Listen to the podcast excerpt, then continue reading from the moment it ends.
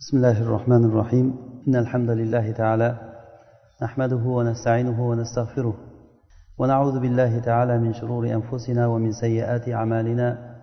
إنه من يهده الله فلا مضل له ومن يضلل فلا هادي له. ونشهد أن لا إله إلا الله وحده لا شريك له. ونشهد أن محمدا عبده ورسوله صلى الله عليه وعلى آله وصحابته. ومن اهتدى بهديه إلى يوم الدين. وسلم اللهم تسليما كثيرا أما بعد biz alloh subhanava taoloni madadi bilan alloh taolo bilan bo'ladigan xulq haqida gapirgandik va buni aytdikki alloh bilan bo'ladigan odob birinchidan inson o'zini noqisligini bilishligi va ikkinchidan butun keladigan ne'matni hammasi ollohdan deb bilishlik bilan bo'ladi asosan shu ikkita narsani ustida turadi olloh bilan bo'ladigan odob birinchidan inson o'zini noqisligini tamoman bilishligi shuning uchun ham mana hojatxonadan chiqqanda ham g'ufron aka deganliklari rasululloh sollallohu alayhi vasallamni ya'ni ibodatni komil shukurni alloh taologa bo'ladigan shukurni komil qilolmadim degani o'zing kechir degani. Inson hamma tomondan noqis hamma tomondan muhtoj. Oddiy havoga qancha muhtojmiz masalan? Agar bir soniya havodan qisilib qolsak bo'larimiz bo'ladi. Tamom inson tugaydi. Suvga qancha muhtojmiz? Va hokazo. Agar ollohni ne'matlarini sanasak tugamaydi. Va in taudu ni'matallohi la tuhsuha. Innal insana la zalumun kaffar. Inson o'ziga o'zi zulm qiluvchi va juda ham nonko'r bo'lgan bir maxluq. Illo alloh taolo o'zi istisno qilgan odamlar alloh taologa shukur qiladi. Alloh taolo hammamizni shukur qiluvchilardan qilsin. Va yana aytdikki alloh taologa haqiqiy bo'ladigan odob bu qalbdan ollohdan boshqa narsadan chiqarib tashlash bilan bo'ladi.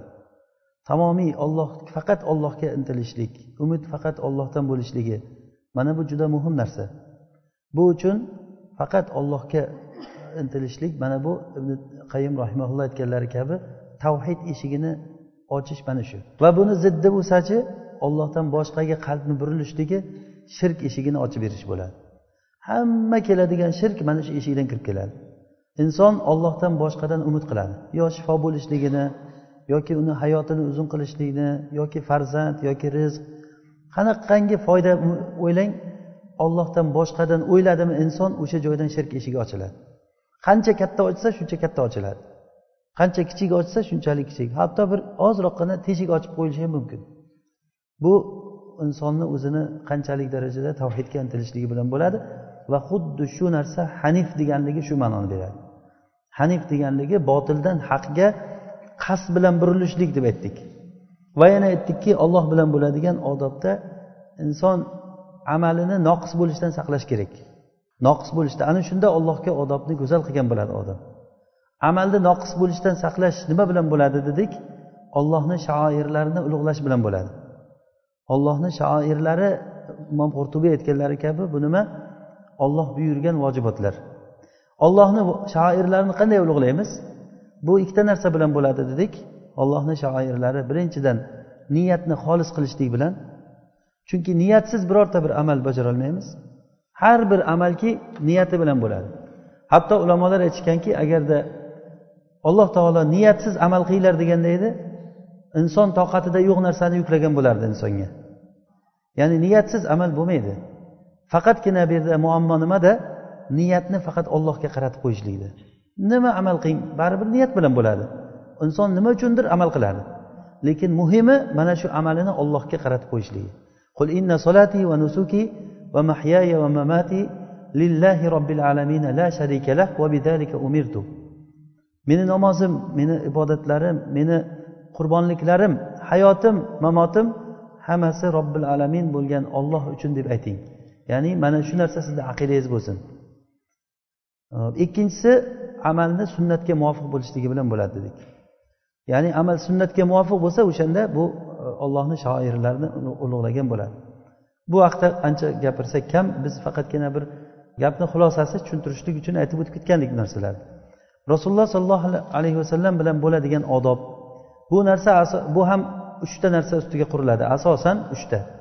Birinchisi alloh subhanava taoloni aytgan so'ziki ya amanu la tuqaddimu bayna yadayillahi va rasulih ey iymon keltirganlar olloh va rasulini oldiga qo'ymanglar hech narsani. So'zlaringni gaplaringni ishlaringni ollohdan va rasulidan oldinga o'tkazmanglar. Biror bir gap gapirmoqchimisiz? Rasululloh nima degan ekan deb o'ylang. Biror bir ish qilmoqchimisiz? Rasululloh sollallohu alayhi vasallam shuni qilganlarmi deb o'ylang. Ana o'shanda siz to'g'ri qilgan bo'lasiz. Demak mo'min kishi hamma qiladigan ishi rasululloh sollallohu alayhi vasallamdan keyin bo'ladi. Shu ishni rasululloh qilganlarmi? Shu gapni rasululloh gapirganlarmi? Mana bu narsa rasulullohni ulug'lashlikni eng birinchi pog'onasi. Ikkinchisi alloh taoloni so'ziki ya ayyuhallazina amanu la tarfau asvatakum fawqa sawtin nabiy ey iymon keltirganlar ovozlaringni rasulullohni ovozidan yuqori ko'tarmanglar va rasulullohni oldida ovozlaringni jahriy qilib turib baland gapirmanglar. Aks holda sizlarni amallaring o'zlaring bilmagan holatda habata bo'lib ketishligi mumkin. Amalni habata bo'lib ketishligi uchun kishi kofir bo'lishligi shart emas. Mo'min bo'lgan holatda ham amali kuyib ketaversa bo'ladi.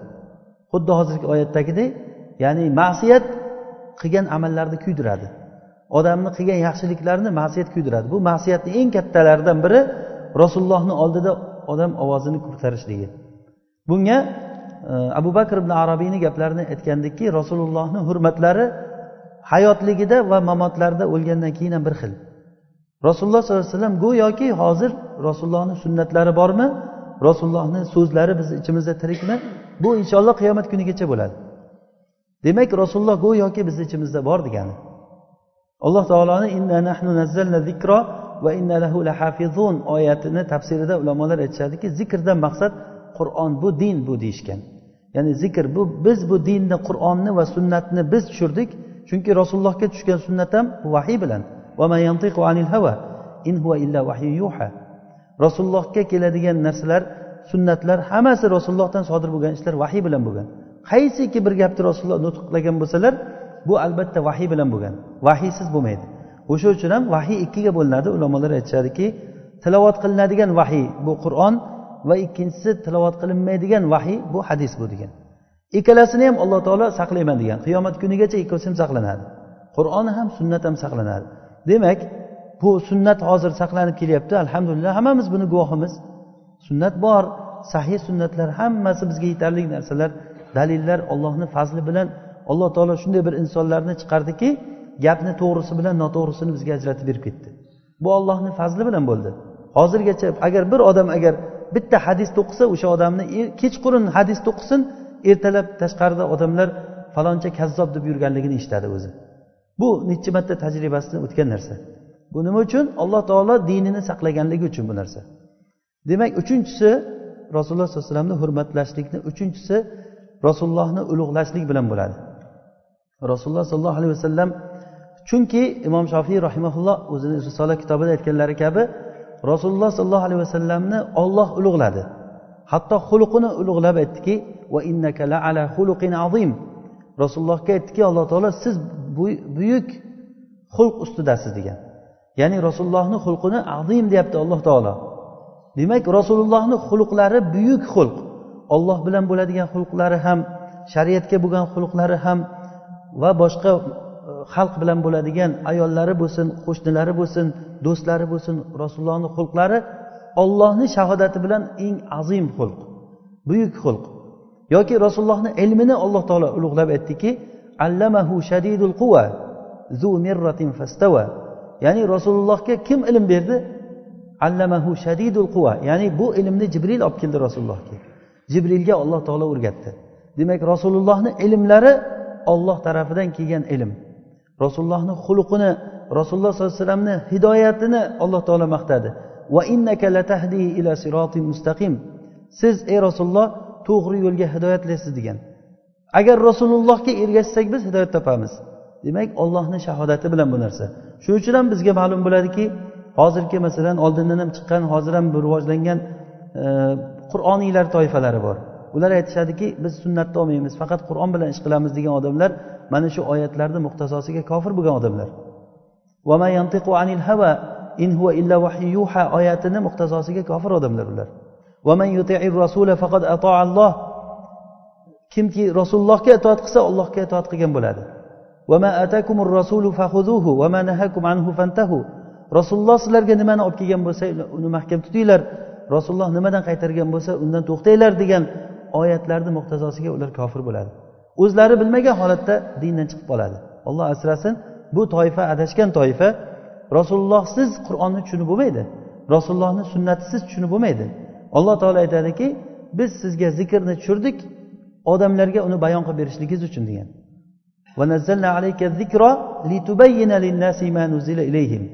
Ularga nozil qilingan narsani bayon qilishligingiz uchun zikrni tushirdik degan. Demak rasulullohni sunnatlari qur'onni tafsiri bo'ladi. Rasulullohni sunnatisiz qur'onni tushunib bo'lmaydi. Kuniga besh vaqt namoz o'qishlikni qayerdan o'rgandik biz? Qur'onda biror joyda yo'qki besh marta namoz o'qinglar degan joyi. Yoki haj. Hajda faqatgina haj qilinglar degan buyruq keldi. Lekin uni odoblarini uni ishlarini hammasini rasululloh sollallohu alayhi vasallam ko'rsatib berdilar. Xuddiki jobir roziyallohu anhu imom muslim rivoyat qilgan hadisda uzun hadisda rasulullohni hajlarini boshidan oxirigacha tavsif qilib aytib bergan. Va oxirida rasululloh sallallohu alayhi vasallam aytdilarki huzu anni manasikakum. Mendan sizlar e, ibodatlaringni oylar deganlar. Sahobalar rasululloh sollallohu alayhi vasallamni mana shu o'rinda juda qattiq ulug'laganlar. Rasulullohni hamma ishlarida ergashdilar. Hattoki arzimas deb o'ylanilingan narsalardan ergashdilar. Rasululloh nima harakat qilgan bo'lsalar shu harakat qildi. Rasululloh uzuk toquvdilar hamma sahobalar uzuk taqdi rasululloh uzuklarini yechib tashlasalar hamma sahobalar uzugini yechib tashladi.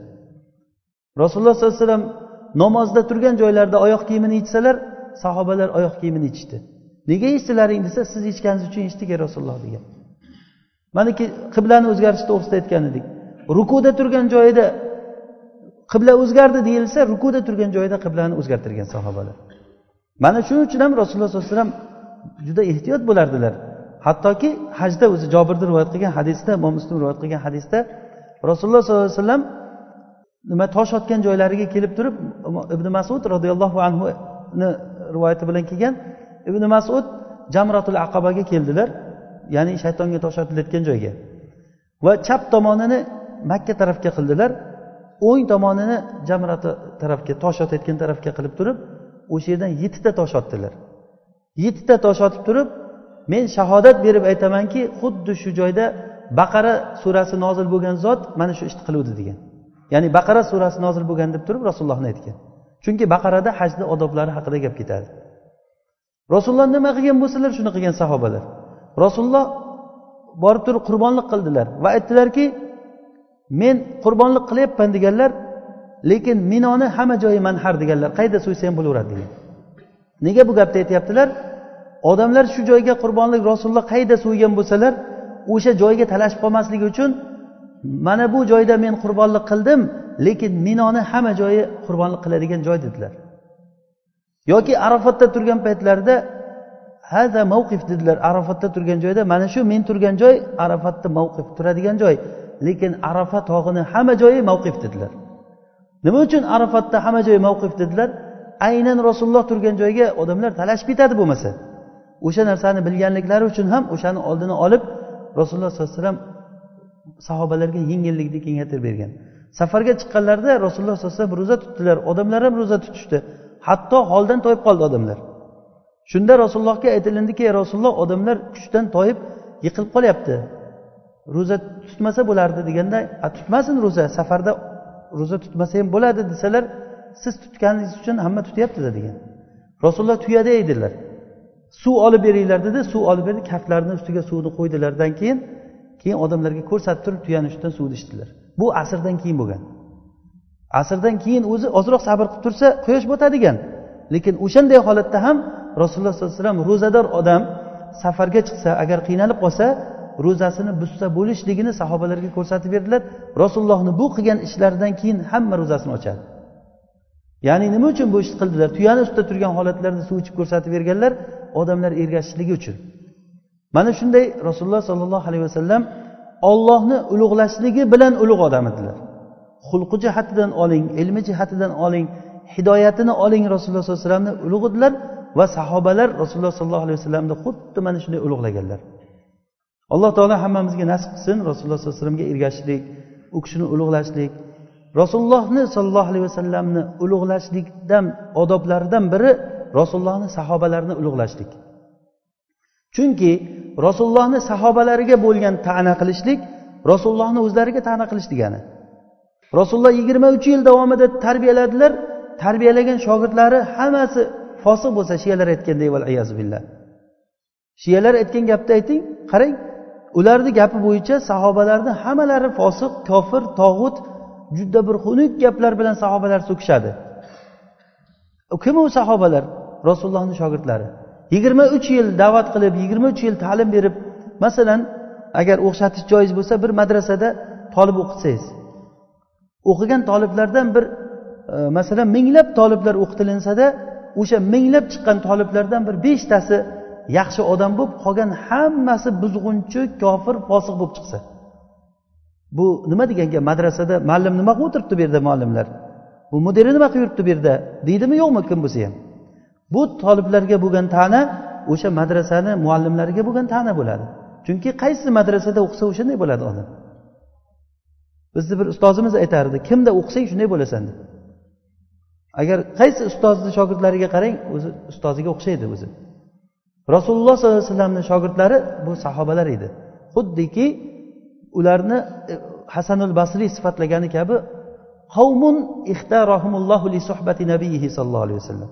Ular shunday qavm ediki alloh taolo rasulullohga sohib bo'lishlik uchun ularni ixtiyor qildi.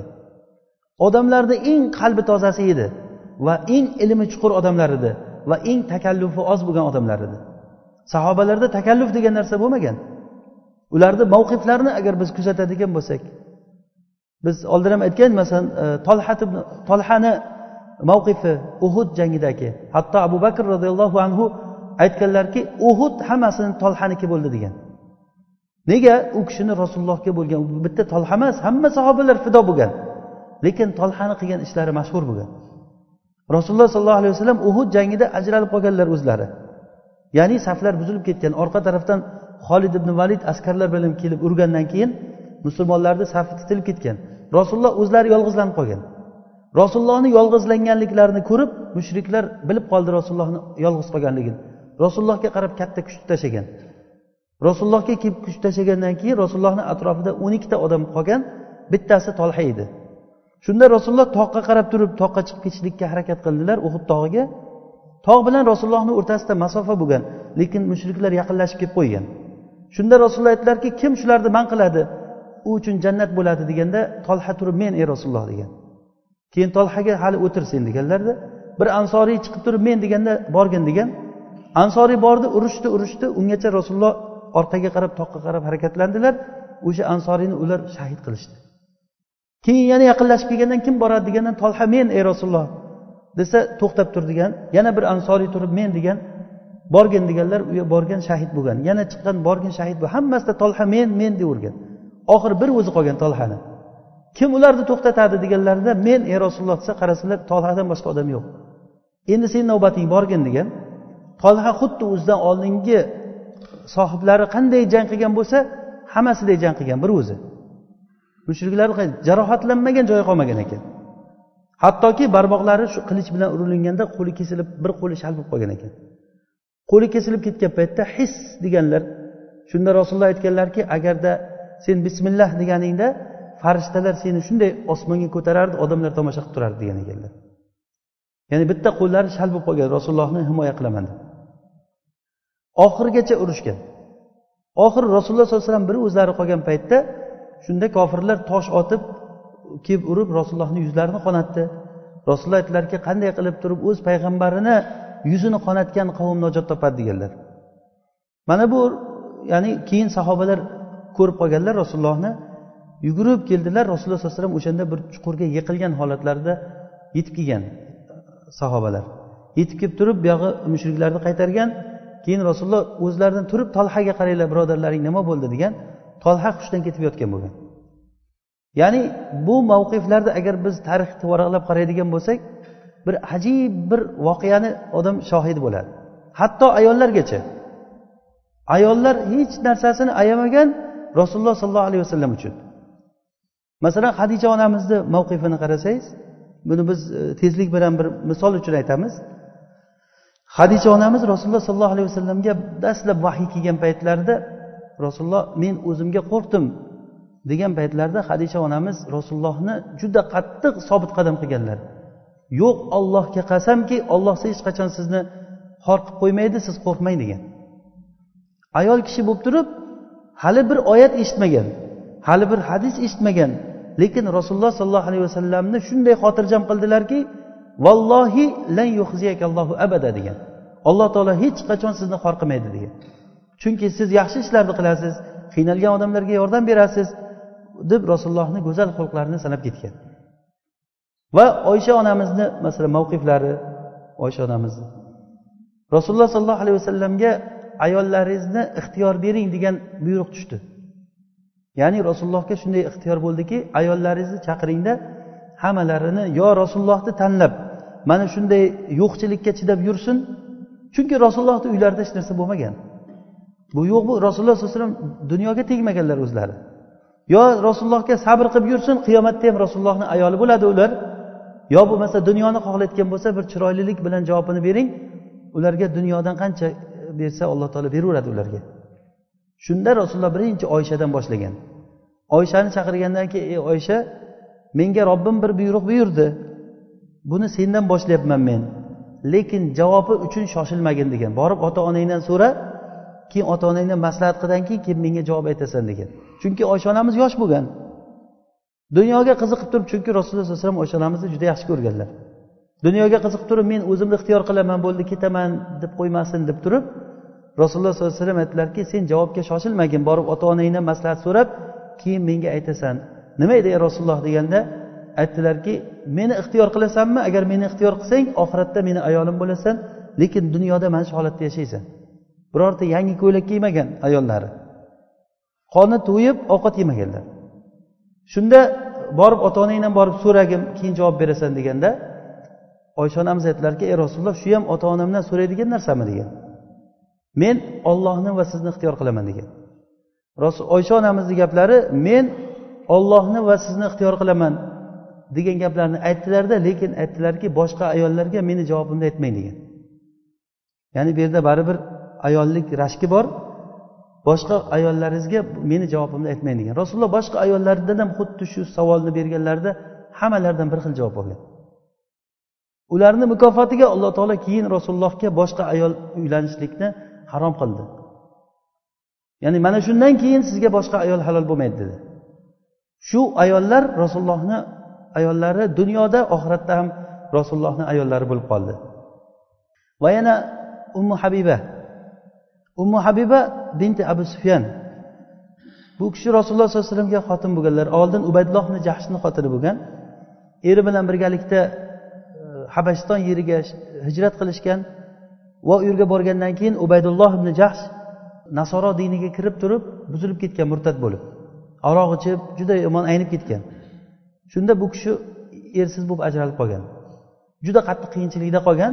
Rasululloh sollallohu alayhi vasallam uylangan qisqasi unga. Najosiyni vakilligi bilan uylangan keyin madinaga kelgandan keyin abu sufyon bir kuni ko'rgani keladi otasi.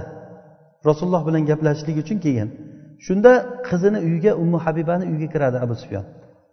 Qizini uyiga kirib keyin o'tiraman degan paytda bir to'shak bo'ladi bir visada deydi arablarda. Tagiga tashlab o'tiradigan bir visada. Shuni ustiga o'tiraman degan paytda haligi to'shakni olib yig'ishtirib olib qo'yadi ummu habiba. Shunda ey qizim bu to'shakni mendan qizg'ondingmi yo meni to'shakdan qizg'ondingmi degan. Ya'ni to'shak eski to'shak bo'lgan eskini ustiga otam o'tirmasin deb olib qo'ydingmi tushunmay qoldim deganda bu rasulullohni to'shagi siz mushriksiz najassiz bunga to'g'ri kelmaysiz degan. Mana bu rasululloh rasululloh u kishining qalbida qanchalik darajada o'rinda turganligi o'zini otasiga mana shunday qilib jur'at bilan aytgan. Yoki ummu salama onamizni mavqiflari rasululloh sollallohu alayhi vasallamga nasihat berganliklari hudaybiyada. Musulmonlar halok bo'ldi men ularga buyuryapman toat qilmayapti deganda rasulullohga nasihat berganliklari. Ya'ni qisqasi biz agar bu erkaklardan bo'lgan sahobalarni holatlarini qancha varaqlab tarixni ko'ring bir ajib bir voqealarni biz shohidi bo'lamiz. Hammasini xulosasi ularni ko'zida rasululloh sollallohu alayhi vasallam ulug' inson edi. Umi sulaym roziyallohu anhu bu kishini mavqiflaridan biri madinada rasululloh sollallohu alayhi vasallam hijrat qilib kelganliklaridan keyin madina ahlini hammasi rasulullohga kelib e, ba'zilari ovqat olib kelib hadya bergan. E, shunda ummu sulaym kelib turib ey rasululloh men sizga hadyalikka o'g'limni olib keldim degan. Anas o'n yoshlik bola bo'lgan. o'n yoshlik bola mana shu bola sizni xizmatingizni qilib yursa rozi bo'lsangiz degan.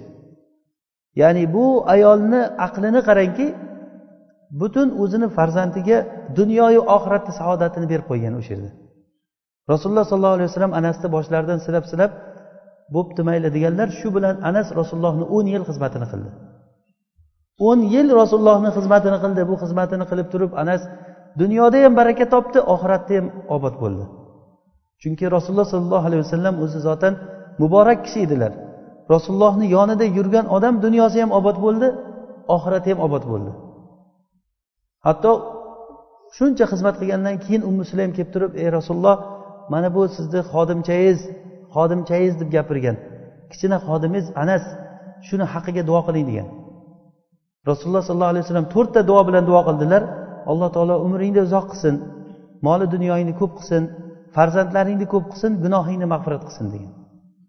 Anasni o'zi aytadilar basrada paytda umrim uzoq bo'lganligini ko'rib turibsizlar degan yuzdan oshib ketgan yoshlari. Moli dunyomni ko'pligini ko'ryapsizlar hammani bog'i bir marta meva bersa meni bog'im ikki marta meva beryapti. Va farzandlarini ko'pligi har xil rivoyatlar kelgan boshi agar masjidga kirib ketaversa oxiri uyidan chiqib ketaverar ekan deyiladi. Nihoyat darajada farzandlari ko'p bo'lgan. Va to'rtinchisini endi ollohga yo'liqsam bilaman degan lekin umid qilamanki u ham ijobat bo'lgan deb. Ya'ni alloh taolo gunohlaringni mag'firat qilsin degan. Qisqasi sahobalarni hayotlari juda bir ajib bir bizga bir narsalarni ochib beradiki bularni hammasini xulosasi rasululloh sollallohu alayhi vasallam ularni ko'zlarida ulug' edi. Biz rasulullohga muhammadi rasululloh deb iymon keltirganimizdan keyin rasululloh biz uchun hamma narsadan ulug' bo'lishi kerak. Molimizdan ham bizni vaqtimizdan ham jonimizdan ham ana o'shanda iymon komil bo'ladi. Umar ibn hattob kelib ey rasululloh men sizni yaxshi ko'raman. Siz meni nazarimda hamma narsadan yaxshisiz. Bolamdan ham otamdan ham hamma narsadan yaxshisiz. Faqat o'zimdan emas degan. Shunda rasululloh yo'q bo'lmaydi bunda degan. Men o'zingdan ham ko'ra yaxshiroq bo'lsam qalbingga o'shanda komil iymonli bo'lasan deganda al ana ya rasululloh degan. Ana endi ey rasululloh siz meni o'zimdan ham ko'ra yaxshiroqsiz degan. Men yaxshiroq rasululloh aytdilarki ana endi seni iymoning komil bo'ldi deganlar. Ya'ni mana shunday bo'lishi kerak rasululloh bu narsa faqat davo bilan bo'lmaydi. Rasulullohni yaxshi ko'rishlik faqatgina davo qilishlik bilan bo'lmaydi. Faqatgina rasulullohga atab bir marosimlar qilishlik bilan degani emas bu. Hayotda voqeiy rasulullohni yaxshi ko'rishlikni ko'rsatib berishimiz kerak xuddi sahobalardek o'sha uhuddagi janglarda tolha ko'ksini o'qqa tutar ekan. Rasulullohni qarasa ochilib qolganligini mushriklar tomonidan keladigan o'qlar menga tegsin deb turib rasulullohni yoniga oldilariga chiqib ko'kragi bilan chiqqan. Qalqon bo'lmay qolganligi uchun. Mana shunday rasulullohga jonini fido qilgan ular. Biz ham muhammad rasululloh degan kishilar biz uchun rasululloh mana shunday ulug' o'rinda bo'lishlik kerak. Ana o'shanda biz iymonni haqiqiy lazzatini totamiz va iymonni muhammad rasulullohni e, biz muqtadosini keyin o'shanda hayotga chiqargan bo'lamiz. Alloh taolo hammamizni hidoyatlasin. foydali ilmni o'rgatsin o'rgangan ilmlarimizdan alloh taolo foydalantirsin. Subhanakallohumma bihamdik nashhadu an la ilaha illa ant nastag'firuka va natubu ilayk.